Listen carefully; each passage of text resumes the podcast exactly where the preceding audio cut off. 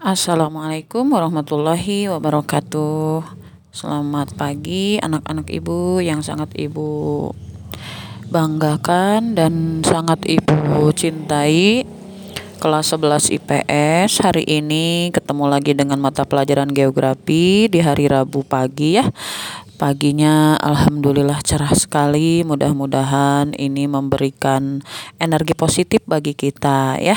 Walaupun belajar kita dengan segala keterbatasan eh dengan segala eh, apa namanya penuh dengan keminimalisir ya artinya upaya apa pun yang kita lakukan itu semaksimal apa pun tapi tetap saja target-target yang harusnya kita capai itu sulit gitu ya. Jadi semuanya serba minimal gitu uh, di di masa pandemi ini. Se ibu menerangkan semaksimal mungkin tapi tetap saja karena tidak setiap siswa bisa menerima materi melalui audio ya.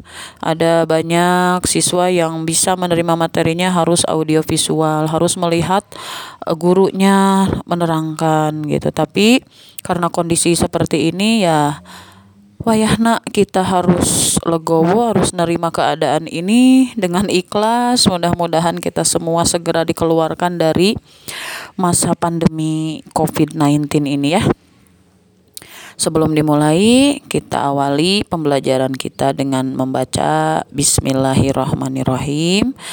Doa kita pagi ini semoga memberikan dampak positif bagi kita. Mudah-mudahan materi yang kita uh, kaji hari ini mampu kalian pahami dengan sebaik-baiknya. Oke okay, ya. Oke, anak-anakku, hari ini melanjutkan materi yang kemarin. Kemarin itu metodenya tanya jawab. Kalau sekarang Ibu akan menjelaskan materi dulu, lalu kalian dengarkan, cerna baik-baik, pahami, lalu nanti di akhir akan ada penugasan ya. Materi yang akan dilanjutkan itu masih di halaman 5. Kalau kemarin baru pengenalan, sekarang sudah masuk ke materi yang ada di LKS kalian ya. Ke halaman 5 itu bicara tentang letak luas dan batas Indonesia. Ini masih bagian dari bab 1, posisi strategis Indonesia sebagai poros maritim dunia. Poin A bicara tentang letak luas dan batas Indonesia. Langsung ke eh, paragraf kedua di memahami teks. Tapi sebelum itu, kalian kan pasti paham bersama bahwa Indonesia itu merupakan negara kepulauan ya, dengan luas paling besar di dunia. Wilayah Indonesia berbentuk memanjang di garis katulistiwa yang terdiri dari ribuan pulau. Berdasarkan letak relatifnya, Indonesia berada di antara dua benua, Asia dan Australia. Luas wilayah Indonesia mencapai hampir dua kali wilayah daratannya dengan posisi yang strategis serta luas laut yang besar. Indonesia memiliki potensi yang besar di bidang kelautan. Sebagai warga Indonesia, anda harus mengembangkan potensi yang dimiliki untuk kesejahteraan seluruh warga Indonesia. Jadi, kita sepakati bersama bahwa kita itu adalah penduduk Indonesia yang jelas-jelas memiliki potensi laut yang sangat besar. Jadi, kita, kalian, utamanya sebagai generasi muda penerus bangsa, harus paham bahwa kita itu punya banyak potensi yang ada di negara kita, di antaranya potensi yang ada di laut. Nanti kelak kalian menjadi orang-orang yang bergerak di bidang kelautan, mungkin nanti kalian akan menjadi orang yang dekat pantai hidupnya. Mungkin kan kalian nanti akan kerja ya, mungkin di uh, bagian kelautan, mungkin di BMKG, mungkin kalian nggak kerja tapi pindah rumahnya ke daerah pantai, dibawa oleh suaminya, dibawa oleh istrinya gitu ya.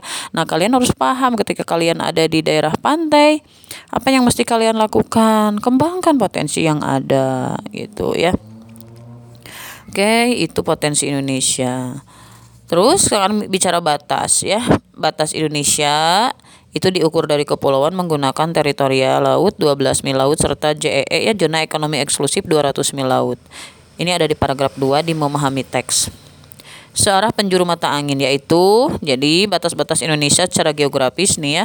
Batas utaranya ada di sebelah batas utara Indonesia di sebelah utaranya ada Malaysia, Singapura, Filipina dan Laut Cina Selatan. Di selatannya ada Australia, Timor Leste dan Samudra Indonesia. Di batas baratnya ada Samudra Indonesia juga. Batas timurnya ada Papua Nugini, Timor Leste dan Samudra Pasifik. Ini harus hafal ya. Nah, ini yang menjadi materi paling intinya. Bicara letak Indonesia itu bisa dilihat melalui beberapa poin yaitu letak Indonesia itu dilihat dari letak fisiografis. Yang kedua, letak sosiografis. Aduh, berisik mobil. Satu letak fisiografis ya. Apa itu letak fisiografis? Letak fisiografis adalah Bentar nih tutup jendela dulu. Letak fisiografis adalah letak suatu tempat, ini ada di halaman 6. Letak suatu tempat berdasarkan segi fisiknya. Seperti dari apa fisik itu? Dari garis lintang dan garis bujur. Terus selain itu ada posisi dengan daerah lain, batuan yang ada dalam bumi, relief muka bumi, serta kaitannya dengan laut garis bawahi ya oleh kalian. Jadi nanti pertanyaannya letak Indonesia dilihat dari letak fisiografis itu adalah seperti apa? Nah, itu yang menjadi pertanyaan-pertanyaan penting nanti. Yaitu jawabannya letak fisiografis itu letak Indonesia dilihat dari atau berdasarkan segi fisiknya seperti dari segi garis lintang dan garis bujur, posisi dengan daerah lain, batuan yang ada dalam bumi, relief permukaan bumi, serta kaitannya dengan laut. Itu ya fisiografis teh. Nah, dibahas satu-satu kan tadi e, letak fisiografis itu dilihat dari segi garis lintang dan garis bujur. Itu kan e, istilahnya garis astronomis ya. Nah, dilihat dari letak astronomis Indonesia itu berada di lintang 6 derajat sampai 11 dan 95 sampai 141 itu secara umum ya. Posisi tersebut membuat Indonesia memiliki udara yang relatif hangat yaitu beriklim apa? Indonesia iklimnya apa? Tropis ya. Kondisi Indonesia dengan beriklim tropis itu menyebabkan Indonesia memiliki dua musim yaitu hujan dan kemarau ya. Dengan memiliki dua musim itu, karakteristik musim tersebut mempengaruhi kehidupan flora dan fauna di Indonesia. Nah, flora dan fauna Indonesia paling beragam. Ya, paling beragam. Karena iklimnya tropis, hangat, tidak panas, tidak dingin. Jadi, cocok sekali ditumbuhi, dihidupi oleh binatang dan tumbuhan apa pun jenisnya. Jadi, dibanding negara-negara lain di dunia Indonesia itu paling beragam paling banyak jenisnya gitu. Karena iklimnya paling e, netral artinya tidak panas tidak dingin hangat cocok buat tumbuhan dan binatang kebanyakan ya. Nah e, berikutnya Bentang bujur Indonesia pun menjadikan wilayah Indonesia terbagi menjadi tiga wilayah waktu ya. Jadi WIB, WITA dan WIT. Di sini sudah dijelaskan wilayah Indonesia paling utara adalah Pulau Miangas yang terletak pada sekian derajat. Indonesia paling selatan ada Ndana, Indonesia paling barat ada Benggala, Indonesia paling timur ya. Silahkan dibaca itu mah ya. Oke, itu letak astronomis. Ibu akan uh, simpulkan untuk letak astronomis sekali lagi. Indonesia ini ini yang menjadi pertanyaan-pertanyaan penting di setiap ulangan atau tes. Jadi kalian harus bisa menangkap ya materi yang Ibu jelaskan itu yang mananya yang benar-benar harus harus kalian pahami itu. Nah, sekarang yang menjadi materi intinya satu tadi batas wilayah Indonesia ya diukur de dengan menggunakan teritorial itu apa saja yang empat tadi ya. Yang kedua, letak Indonesia itu dilihat dari letak apa saja. Ya, jadi di sini untuk memahami kondisi geografis Indonesia tentunya kita akan mempelajari juga hal-hal yang mempengaruhinya yaitu letak fisiografis dan sosio fisiografis. Letak fisiografis itu adalah apa? Tadi sudahnya apalkan eta. Yang termasuk ke dalam letak fisiografis itu ada beberapa. Ada astronomis, ada geografis, ada geologis, ada geomorfologis, dan ada maritim. Nah ada lima. Nah aku ibu sekarang mau dibahas semuanya. Jadi perhatikan baik-baik. Diulas ya. Apa itu letak astronomis? Kalau bicara astronomis pasti letak itu berkaitan dengan posisi garis lintang dan bujur. Ingat ya, kalau astronomis itu pokoknya bicara lintang dan bujur ya mun aya lintang-lintangan pasti itu bicara astronomis. Indonesia ada di lintang 6 sampai 11 dan ada 95 sampai 141. Akibat posisi Indonesia itu menyebabkan iklim Indonesia menjadi tropis alias hangat. Akibat iklim tropis Indonesia memiliki dua musim, kemarau dan hujan. Akibat memiliki uh, dua musim akhirnya menyebabkan kehidupan flora dan fauna di Indonesia menjadi uh, terdukung gitu ya, kondusif gitu. Adapun pengaruh dari bujur Indonesia menyebabkan perbedaan waktu di Indonesia menjadi tiga, WIB, WITA, dan WIT. Oke, itu astronomis. Yang kedua letak geografis. Kalau letak geografis, mah letak suatu tempat dilihat dari kenyataannya di muka bumi. Eta garis bawahi, ya. Jadi kalau astronomis dilihat dari letak lintang, kalau geografis mah dilihat dari suatu tempat dilihat dari kenyataannya di muka bumi atau letak suatu tempat dalam kaitannya dengan daerah lain di sekitarnya gitu ya contohnya Indonesia ada di di antara dua benua dan dua samudra Nah, akibat Indonesia dibatasi oleh dua benua dan dua samudra, akhirnya Indonesia menjadi daerah yang berada di posisi silang dunia. Apa itu silang dunia? Indonesia terletak di tengah-tengah di dunia itu. Jadi Indonesia tuh tengah-tengah aja. Jadi mau ke mana, mau dari mana, pasti uh, wilayah lain itu lewat ke Indonesia. Apa keuntungannya? Kemarin sudah dibahas minggu kemarin ditanya jawab. Ketika Indonesia ada di antara dua benua dan dua samudra, yang pertama, Indonesia bisa menjadi wilayah jalur perdagangan dunia, baik jalur darat maupun jalur laut. Jalur darat karena berada di dua benua kan, jalur laut Indonesia ada di dua samudra. Ketika Indonesia ada di tengah, transportasi dunia melewati ke Indonesia itu akan mempengaruhi pendapatan Indonesia ya dari jalur darat pajak dari jalur laut juga sama. Posisi untuk per, jalur perdagangan dunia. Apa pun masuk uh, ke Indonesia dari luar negeri masuk ke Indonesia perdagangannya. Sehingga tapi dampak negatifnya ada. Ya nah nanti pertanyaannya itu. Apa dampak negatif adanya Indonesia dibatasi oleh dua benua dan dua samudra? Yang ketiga, letak geologis. Letak geologis mah letak suatu daerah atau negara berdasarkan struktur batuan struktur batuan yang ada pada kulit buminya. Ya, maksudnya gimana? Letak geologis Indonesia dapat terlihat dari beberapa sudut, yaitu dari sudut formasi geologi, keadaan batuannya, dan jalur pegunungannya. Dilihat dari jalur-jalur pegunungannya, Indonesia terletak pada pertemuan dua rangkaian pegunungan muda, yaitu serangkaian Sirkum Pasifik dan Mediterania. Apa dampak positif dari adanya Indonesia dilihat dari eh, letak geologis? Dari adanya eh, Indonesia dikelilingi oleh jalur pegunungan aktif ya yaitu Sirkum Pasifik dan Mediterania. Apa keuntungannya? Ini ada di di di sini ada nih. Indonesia banyak memiliki gunung berapi yang masih aktif dan sering terjadi gempa. Nah keuntungannya adalah banyaknya eh, barang-barang tambang. Ya minyak bumi batu bara dan bauksit selain itu kan kalau gunung api uh, banyak menghasilkan apa namanya unsur hara ya bagi tanaman yang ada di sekeliling. Jadi bisa menyuburkan tanah. Jadi daerah-daerah yang ada di sekitar gunung api pasti subur. Nah, kita kan Indonesia dikelilingi oleh pegunungan api aktif. Disebutnya juga Ring of Fire, cincin api ya. Uh, di antaranya rangkaian pegunungan Sirkum Pasifik sama Mediterania kan. Nah, sehingga tanah Indonesia subur. Sehingga tongkat dan kayu pun jadi tanaman. Eta dina lagu gening ya. Jadi cek paribasa nama rek nyecep ke naon oge jadi di Indonesia mah. Karena apa? Banyak gunung api. Indonesia disebutnya juga ring of fire cincin api. Dikelilingi oleh gunung api. Jadi tanahnya subur. Itu keuntungan dari letak geologis ya.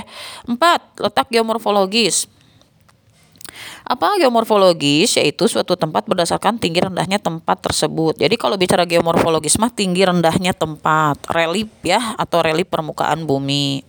Nah, eh apa nih? Letak geomorfologis Indonesia sangat bervariasi Perbedaan letak geomorfologis memberikan pengaruh yang bermacam-macam nih. Karena Indonesia itu reliefnya bergelombang, ada dataran tinggi, ada dataran rendah. Buktinya Indonesia punya banyak pegunungan, punya banyak pantai ya. Nah, apa pengaruh positifnya? Di sini adanya suhu yang berbeda-beda. Kan ada dataran tinggi, ada dataran rendah. Berarti suhunya berbeda-beda. Jenis tanamannya pun berbeda-beda. Contoh, di dataran tinggi mah ada kebun teh, banyaknya. Di dataran rendah mah padi sawah gitu ya kelapa gitu ya. Nah dua menentukan ada tidaknya mineral-mineral yang dikandung oleh batuan tersebut. Kalau di dataran tinggi sama di dataran rendah mungkin beda e, karakteristik mineral yang dimiliki oleh daerah tersebut ya, gitu ya. Nomor tiga menentukan kepadatan penduduk. Cing menurut kalian yang padat pasti di dataran rendah atau di dataran tinggi? Jawab yang lebih padat penduduk kira-kira di, di tinggi di rendah. Di pegunungan di daerah rendah. Iya pasti banyak yang jawab. Jawabannya di dataran rendah. Orang akan lebih betah diem di dataran rendah. Kenapa? Karena pusat-pusat perekonomian kebanyakannya di dataran rendah gitu ya. Jadi penduduk yang paling padatnya pasti di dataran rendah. Dataran tinggi cocoknya untuk potensi-potensi wisata misalnya ya Empat, perlu memperhitungkan morfologi daerah sebelum membangun bangunan, jembatan, gedung, dan jalan-jalan raya. Ya, kalau mau bikin gedung, jalan, bangunan, jembatan harus bisa memperhitungkan dulu karena Indonesia itu bergelombang. Ya, nah Greg asalnya gunung dibelah jadi jalan. Ya kalau memungkinkan tidak masalah. Tapi kan kalau misalnya oh, datarannya bergelombang, terjal, ya tidak memungkinkan untuk dibikin jembatan ya tidak usah. Nanti jadi rawan kecelakaan walaupun banyak sekali sekarang potensi-potensi wisata saja sudah membelah gunung di mana-mana ya. Di Dago di Lembang semuanya gunung-gunung dibelah ya. Jadi potensi wisata. Itu kebayang ya kalau hujan longsor. Ih sarariun yang lima ya maritim. Maritim teh apa? Kemari? Laut ya. Oke. okay. Letak maritim itu letak suatu tempat di jauh dari keadaan kelautannya di sekitarnya. Ini mah udah dibahas kemarin. Indonesia dilihat dari letak maritim ya udah jelas Indonesia itu uh, memiliki banyak laut karena Indonesia bersifat kepulauan. Jadi uh, pasti potensi yang dimiliki oleh Indonesia dilihat dari segi laut banyak sekali. Di antaranya potensi ikan laut, potensi garam, potensi barang tambang. Indonesia itu baru dak dangukeunnya kayaknya luar biasa. Kalau dilihat dari potensi laut, itu Indonesia memiliki potensi barang tambang yang luar biasa sangat banyaknya. Indonesia itu memiliki lebih dari 40 cekungan aktif di bawah dasar laut. Apa itu cekungan-cekungan? Itu potensi minyak bumi yang kalau dieksplorasi itu akan menghasilkan barang tambang minyak bumi yang sangat banyak. Hanya saja yang menjadi keterbatasan kita yaitu sumber daya manusianya ya yang minggu kemarin kita bahas. Itu saja dulu untuk hari ini. Eh, hiji deui ketak barudak kalangkung. Biar tuntas ya. Nomor duanya letak sosiografis nih. letak sosiografis setelah letak fisiografis. Kalau fisiografis mah kan bicara fisik ya, fisik bumi. Kalau sosiografis mah bicara tentang letak suatu tempat di jauh dari sosiokulturalnya, kulturalnya seperti segi ekonomi, segi politis dan sebagainya. Itu di halaman 8. Letak sosiografis sekali lagi letak suatu tempat ditiang dari sosiokulturalnya. Pasti kalian udah paham lah kalau bicara sosiografis berarti bicara manusia ya, bicara aktivitas masyarakat. Apa saja yang termasuk letak sosiografis, letak ekonomis Indonesia dan letak sosiokultural Indonesia. Bagaimana letak ekonomi Indonesia? Letak ekonomi Indonesia adalah letak suatu negara ditinjau dari jalur dan kehidupan ekonomi negara terhadap negara lain. Indonesia berada di jalur perlintasan perdagangan dunia yang tadi dibahas. Berarti Indonesia dilalui oleh kapal-kapal dagang dari bangsa-bangsa di Asia dan Australia. Letak Indonesia berada di antara negara-negara Asia yang mengalami pertumbuhan ekonomi tinggi seperti Tiongkok dan Singapura. Wah, luar biasa. Sebetulnya Indonesia ah pokoknya mah bisa lah lebih maju daripada negara-negara lain sebetulnya ya tapi Ya kemarin udah dibahas alasannya ya SDM, kebiasaan, budaya dan lain sebagainya. Letak sosiokulturalnya bagaimana? Masyarakat dengan budayanya berdasarkan keadaan sosial dan budaya daerah yang bersangkutan terhadap daerah di sekelilingnya. Indonesia secara sosiogeografis kultural terletak di perempatan jalan antara benua Asia dan Australia yang terdiri dari berbagai bangsa. Berarti hal ini menyebabkan terjadinya akulturasi budaya. Kan Indonesia teh ada di tengah-tengah, berarti berpeluang untuk bisa didatangi oleh negara-negara lain. Nah, di sini kesempatan Indonesia memiliki menjadi negara yang majemuk teh ya, negara yang multikultural, banyak sekali budayanya. Kalau kita flashback ke mata pelajaran sejarah dulu kan Indonesia itu awal mulanya e, banyak didatangi oleh para-para pedagang dari Gujarat ya. Nah, orang-orang India juga banyak ke kita. Akhirnya ketika banyak apa pendatang dari negara lain ke kita, ada yang nikah dengan orang Indonesia, ada yang menetap walaupun tidak menikah juga lama di sini sehingga budaya-budayanya terserap sebagian ya, terakulturasi lah. Akhirnya Indonesia e, menjadi negara-negara yang majemuk, negara-negara yang banyak sekali budayanya. Indonesia itu di dunia satu-satunya negara yang paling banyak karakteristik budayanya. Jadi mau nggak bangga gimana gitu kita jadi orang Indonesia teh sebetulnya. Lain iya mah bangga teh gara-gara makan mie Korea. Ya, makan apa makanan-makanan luar negeri gaya banget gitu. Kita bisa uh menyicipi makanan-makanan luar negeri dan lain sebagainya. Ya kudu bangga mah. Luput yang bala-bala.